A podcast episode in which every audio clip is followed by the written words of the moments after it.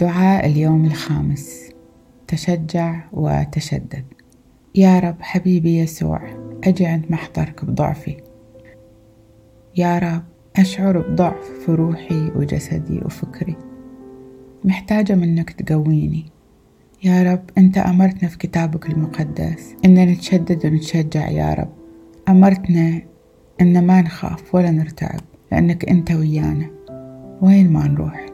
يا رب أطلب من روحك القدوس يلمس ضعفي وألمي ويقويني ويثبتني عشان أعرف إنك أنت إلهي وإنك إياي في كل مكان. ومسيطر على كل أموري الخاصة وأمور العالم وكل شي يا رب. يا رب نعمتك تكفيني وقوتك تكمل في ضعفي. يا رب قوي ضعفي بقوة المسيح. وخليني دايما متكلة عليك يا رب في ضعفي وفي حيرتي وفي فقري وفي شدتي. يا رب ما لي أحد غيرك. غطيني وخليني أحتمي تحت ظلك يا رب. أنا لك وأنت لي.